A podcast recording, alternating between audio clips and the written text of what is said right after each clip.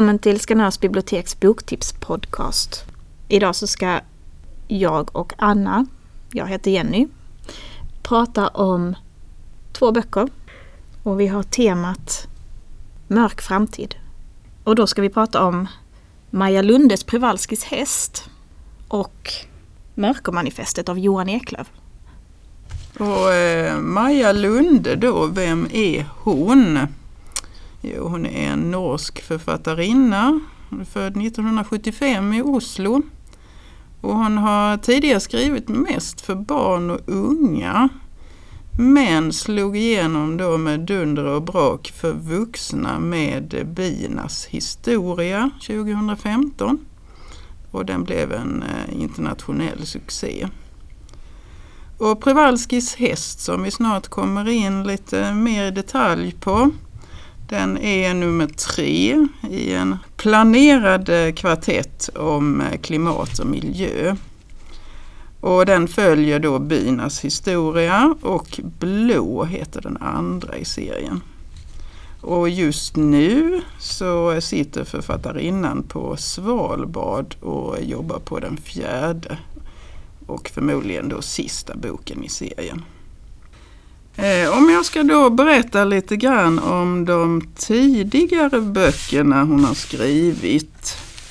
Eh, alla tre romanerna de följer ju samma yttre mall. Och eh, tre parallella historier berättas, en i dåtid och en i en nära nutid och en i framtid.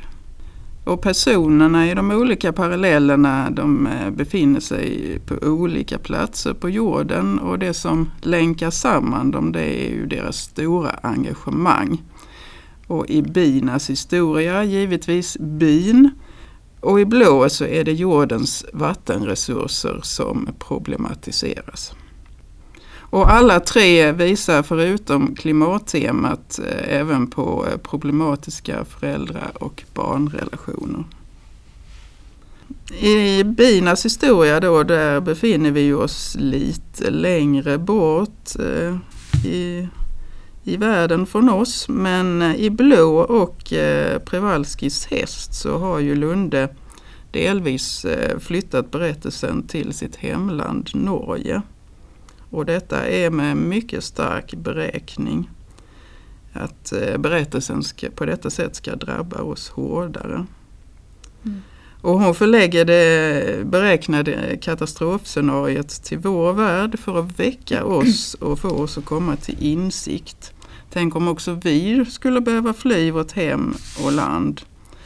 Och eh, flykt är är ju absolut eh, en eh, verklighet för allt fler människor idag. Mm. Men hittills är det ju på ett bekvämt avstånd från oss. Och då skandinaver som drabbas på hemmaplan av svår kris är ett mycket effektivt grepp att fånga läsaren. Det får det att kännas mycket obehagligt när vi läser. Tänk om det skulle hända här. Och i blå då så är det vatten som är huvudtemat. Och torka i Europa tvingar enorma mängder människor på flykt till Norden och de så kallade vattenländerna. Och där, det är där var det fortfarande finns vatten. Jag har, jag har bara läst Przewalskis häst, jag har inte läst de här andra två böckerna. Och det går jättebra att bara läsa Przewalskis häst. Det är liksom inte så att, att en eh, även om det verkar då vara eh, personer som återkommer så är det inte, de hänger inte ihop som en följetong så. Nej, det går Nej. absolut alldeles utmärkt att läsa böcker, alla böckerna mm. fristående. Det här vattnet. I Przewalskis häst så är det ju i framtiden då, framtidsscenariot så är det ju torka förstår man ju i stora delar av världen och det, men i Norge är vattnet nästan ett problem. Det regnar jättemycket, skördarna försvinner och det blir eh, ras och sånt på grund av det här vattnet. Och det är ju någonting, om jag får flika in någonting som händer idag. Mm. Det, det, I och med att det är väldigt aktuellt. Det har ju hänt i Norge först en gång och sen en gång till väl inom eh, bara det sista året. Så, så det är ju någonting som verkligen är en brutal verklighet. Mm. Alltså i, i eh, Svenska Dagbladets eh, recension av Przewalskis häst så är rubriken Man slukar inte Lundes bok, den slukar läsaren. Och jag började, lä- jag började lyssna på den först och sen så var jag tvungen att gå över till att läsa den för att det gick för långsamt att, att, att lyssna på den. För det, den är så... Alltså jag har varit uppslukad av den sen jag läste den för eh, någon vecka sedan. Och nu, nu börjar vi att prata om klimat och så här men det är ju en bok som innehåller väldigt många olika eh, bitar. Den är spännande, eh, särskilt den här framtidsscenariot är superspännande att läsa om. Och det är de här familjerelationerna som du pratade om. Eh, relationer med, mellan barn och, och framförallt vuxna barn och föräldrar. Eh, som i och för sig är problematiska men också väldigt, alltså de handlar om kärleken mellan barn och föräldrar, hur de försöker nå varandra och, och det finns också kärlekshistorier i, med i boken. Och det, man behöver inte vara intresserad av att läsa om framtiden, man behöver inte vara intresserad av att läsa om klimatet och man behöver inte vara intresserad av att läsa om hästar för att det ändå så tycker jag att man ska läsa Przewalskis häst. Jag är jätteimponerad av denna boken och av hur hon berättar en historia, hur hon använder den här hästen eh, och utgår från den. För i, i Blå var det vatten och i Binas historia var det bin och här är det då den här speciella hästen. Och varför har hon använt hästen? Jo, att det är just hästen av alla hotade arter som Lunda använder är ändå ganska självklart. För eh, hästen är ett djur som har stått människan nära i tusentals år. Och eh, människan har alltid varit fascinerad av hästen. Och eh, hästen har ju en oerhört stor roll i mänsklighetens historia. Och människan har ju tagit sig rätten att använda hästen till sina syften. Mm. Och det här handlar ju inte om våra vanliga tamhästar utan det handlar ju om den här speciella vildhästen, Przewalskis häst. Nutida forskare de vet ju att Przewalskis häst är en tidigt förvildad tamhäst. Aha. Men på 1800-talet så var man ju övertygad om att det var urhästen som man hade funnit. Vilket då berättas i en av de här trådarna i boken. Men på senare tid så har modern DNA visat att den är då en förvildad tamhäst. Men dock en förvildad tamhäst med mycket större likheter med en ursprunglig form av häst än vår. Den har nästan ingenting gemensamt med vad vi kallar vår eh, moderna nutida häst. Och den här utplanteringen av hästar som, eh, som de eh, gör i boken 1992 det har ju ägt rum precis så på riktigt. Mm. Och eh, Rasen är ju fortsatt starkt hotad men, eh, men den här utplanteringen var betydelsefull för att eh, arten fortfarande lever. Där är ju då, alltså de här tre spåren, det är 2064 i Norge. Och det är 1992 och det är Mongoliet framförallt och där eh, får vi då följa Karin som jobbar med att då försöka plantera ut hästar. Hon är från Tyskland och hon har sin son med sig. Eh, sin vuxna son och de, de försöker då eh, släppa ut hästar och få dem att bli de vill att de ska föröka sig och bli en stam där. Och sen så får vi följa då, vad är det för år? 1800... 80. 1880. Och då är det... Åh, nu kommer jag inte ihåg hans namn. Zoologen Michail han blir eh, varse om att en ny art av rasen Equus, det vill säga hästen, har lokaliserats. Mm. Och han tror då att detta är urhästen. Mm. Hästen, eh, myten från grottmålningarna som de trott var utrotad i tusentals år, att den är återfunnen. Mm. Och han börjar smida planer om eh, en resa till Mongoliet med då målet att infånga och hemföra några exemplar av de här hästarna till Sankt Petersburg. att visas i eh, djurparken var han arbetar. Mm. Först var jag inte så förtjust i den men sen så allt eftersom jag läste så grep den mig mer och mer för där Mm. är ju en oerhört stark kärlekshistoria Mm, med. precis, det är det som... Och, eh, och det blir ju ytterligare, det är ju många teman i den här romanen och det är ju den omöjliga eh, homosexuella kärleken på 1800-talet som Mm. var eh, ja, all, omöjligt. Mm. Det blir ofta så när man läser en sån här bok som där det flyttas, man läser så kommer man väldigt in i någonting och sen så byter det tid och personer. Och man liksom, jaha nu måste jag börja om här och jag blev lite irriterad först när hon gjorde det. Men man kommer ju snabbt in i det också och den blir också väldigt, eh, ja precis, det blir väldigt gripande. För det är en helt annan typ av berättelse, alltså det är liksom en sån jag skrev pirrig kärlekshistoria för det är det. Man blir liksom lite man blir glad och man vill åh, hoppas att de kan lyckas och, och så här. Och det är klart att de inte kan för att det är 1800-talet och de är två män. Men hur det berättas lättar upp det liksom lite. Och, och sen det här som eh, intressanta eh, frågan som eh, Lunde ställer sig mycket med just denna berättelsen. Eh, vad som skiljer människan från djuren. Är det bara en rad sociala konventioner? Att vi är så styrda av dem. Vad, vad skulle vi vara om inte de fanns? Mm. Och det är att människan eh, kommer tillbaka till att bli en mer primitiv varelse när hon blir hotad eller Mm. stressad som, som ju människorna är i, i alla de här berättelserna på olika sätt.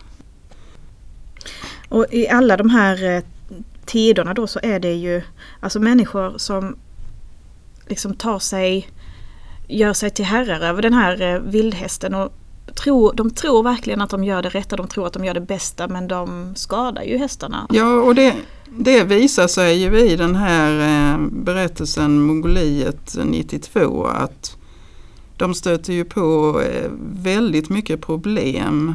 För det, det är inte så enkelt med djur uppfödda i fångenskap även om det är från början vilda djur. De har inte så lätt att klara sig ute i det fria. Det, de, människan försöker sätta plåster på sina egna sår men Mm. eh, det, blir, det är inte så, så lätt. Det är någonting som är återkommande i alla de här, hela tiden i de här tre. De vill ta hand om sin familj, de vill ta hand om sina familjemedlemmar, de vill att det, verkligen det allra bästa och försöker. Men det går inte alltid, man kan inte styra över allting vad som händer i livet och relationer är svåra och, och så. Och de försöker ta hand om sina djurparker och sina hästar och göra vad de kan men mm, man vill ju verkligen att de ska lyckas. Det finns liksom en, även i den här framtidsscenariot som är ganska mörkt och jobbigt att läsa om så är det ändå där finns ett, en hoppfullhet i den berättelsen också. 2064 så handlar det ju då om Eva och hennes tonårsdotter Isa som bor på en nedlagd djurpark. Den har varit öppen till ganska nyligen men eftersom det är kris, flyktingar, elbrist, ingenting fungerar så kan ju inte djurparken heller vara öppen. Allting är ju upp och ner, hela samhället är satt ur Mm. spel. Var, varenda människa är, är satt bara att klara sig själv. Mm.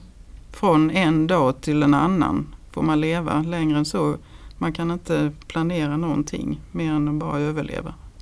Nej, och det är, man får ju inte riktigt, eh, det, det finns inte någon så här lång berättelse om vad det är som har hänt utan man förstår det eh, när man läser. Att eh, ja, det är många på flykt, det är osäkert.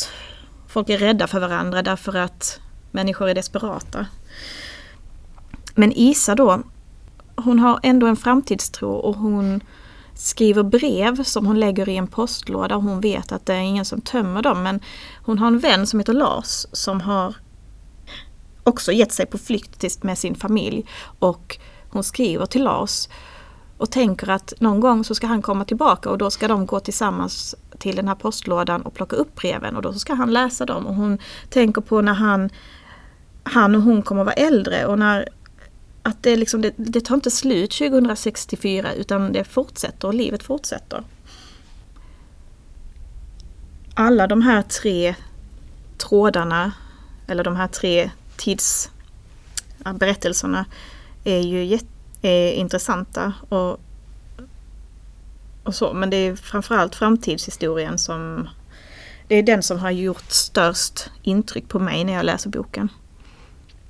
Och det är ju mycket det här att man blir, som du sa, det är ett väldigt effektivt sätt att skaka om en, att beskriva så tydligt om så här kan det vara. Om jag nu lever så länge så är jag 81 år då.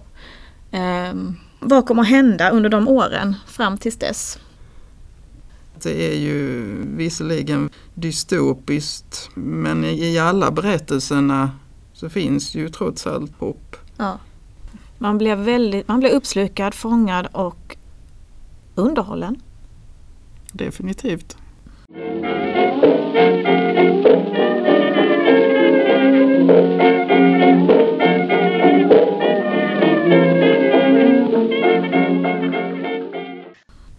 Eh, Mörkermanifestet skulle jag vilja berätta om. En faktabok, det är inte en roman. Författaren heter Johan Eklöv och han är biolog och han är expert på fladdermöss. Den handlar om eh, mörkrets och nattens betydelse för allt levande. Undertiteln på den här boken är om artificiellt ljus och hotet mot en uråldrig rytm. Den här rytmen eh, med dag och natt och månens faser, eh, mörker på och ljus på olika delar av jordklotet. Det är ju en rytm som har funnits lika länge som livet på jorden har funnits och längre än så. Och allt levande på jorden rättar sig efter den rytmen. Men den håller på att suddas ut. Det är på grund av att jorden är upplyst nattetid av artificiellt ljus. Och jag tror inte att det var ett problem från början med lite så här gaslampor i, i städerna. Men däremot nu, mängden ljus på jordklotet ökar hela tiden. Och vi människor vi vill ju ha det ljust. Vi vill ha upplysta vägar, upplysta trädgårdar.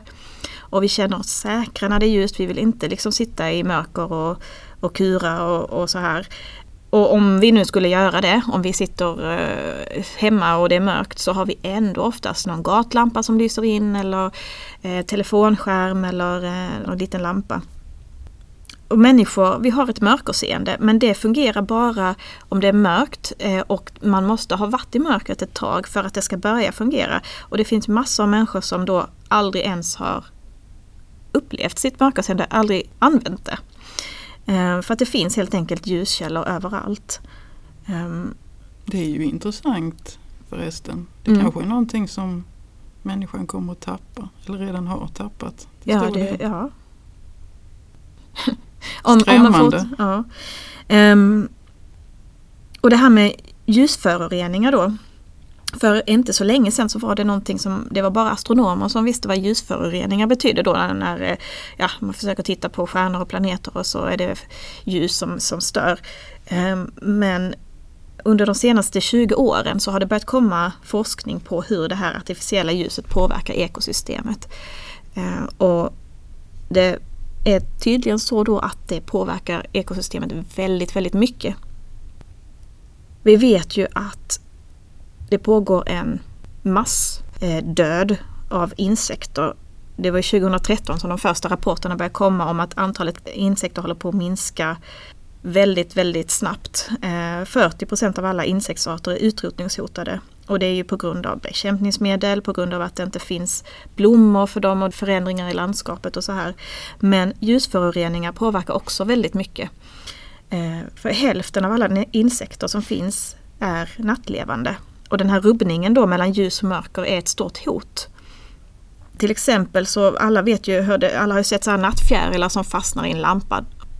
De navigerar med hjälp av månljuset. Och när det då är ett ljus, ett annat ljus som lyser starkare än månljuset så fastnar de i det här ljuset och kan inte komma vidare. Um, och det är också så att nattfjärilar de reagerar olika på faror beroende på om det är ljust eller mörkt och de vill inte para sig om det är ljust. Och de hittar ingen mat och lägger inga ägg och då blir det inte fler nattfjärilar. Lysmaskar och eldflugor håller på att försvinna på grund av att det ljuset som de använder för att locka en partner, det syns inte när det är ljust. Andra nattlevande djur som igelkottar, ugglor, kattdjur och fladdermöss blir förvirrade. Ehm, de, de kan inte, deras naturliga instinkter sätts ur spel. Fåglar som flyttar kan inte navigera. Alltså vi vet ju alla att människan påverkar naturen och djuren och växter på alla möjliga sätt. Men just det här med ljus och ljusföroreningar, det var inte någonting som jag hade tänkt särskilt mycket på förr. Jag, jag visste inte att det var så här illa. Men man ska inte helt förlora hoppet om det för att just det här med ljusföroreningar är det miljöproblem som är lättast att göra någonting åt. För att vi kan ju släcka, vi kan ju släcka lamporna. Eh, den handlar inte bara om det här med ljusföroreningar utan också om mörker på andra sätt. Han pratar om rymden och mörk materia och han, där är något eh, avsnitt om samtal i mörker. Hur samtal mellan människor eh, flyter annorlunda när det är helt mörkt. Eh, att man lyssnar man lyssnar mer på, på eh, den som pratar, den som pratar får prata till punkt och eh, man, eh, det är lättare att öppna upp sig när det är mörkt, man inte ser de visuella signalerna. Har du, upplevt, har du använt ditt mörkerseende? Nej, det är ju inte så ofta. För jag vet att jag har gjort men det är verkligen inte ofta som man använder det. Man blir ju helt konfys om strömmen skulle gå och det är mörkt och alla människor med samma. Det första man tänker på, Åh, var är ficklampan någonstans? Eller var är ett stearinljus eller var är mobiltelefonen? Var det finns en ficklampa i. Alla sätt att komma undan det hotande mörkret. Mm. Mm. Men då aktiveras andra sinnen istället. Människor som, är inte, som inte ser någonting är ofta väldigt bra på att höra. Mm, om, ja, de så här, kan höra om mm, det finns någonting liksom i vägen eller så här beroende på hur ljus, ljudet träffar liksom när man gör något ljud. Och det han tar upp, inte just detta men, men hur andra sinnen skärps när man är i mörker också. Och att det är en väldigt speciell känsla att sitta framförallt utomhus och liksom vara i mörker en längre tid och inte och uppleva världen runt sig med andra sinnen och på annat sätt. Och det är en uppmaning att fånga natten. Det är någonting som låter som någonting som vi borde ägna oss åt mera. Mm. Som människor ju måste ha gjort för. Vi, vi kommer aldrig bort ifrån ljuset. Mm. Det var allt från Skanörs biblioteks boktipspodd för denna gången. Tack för att ni har lyssnat.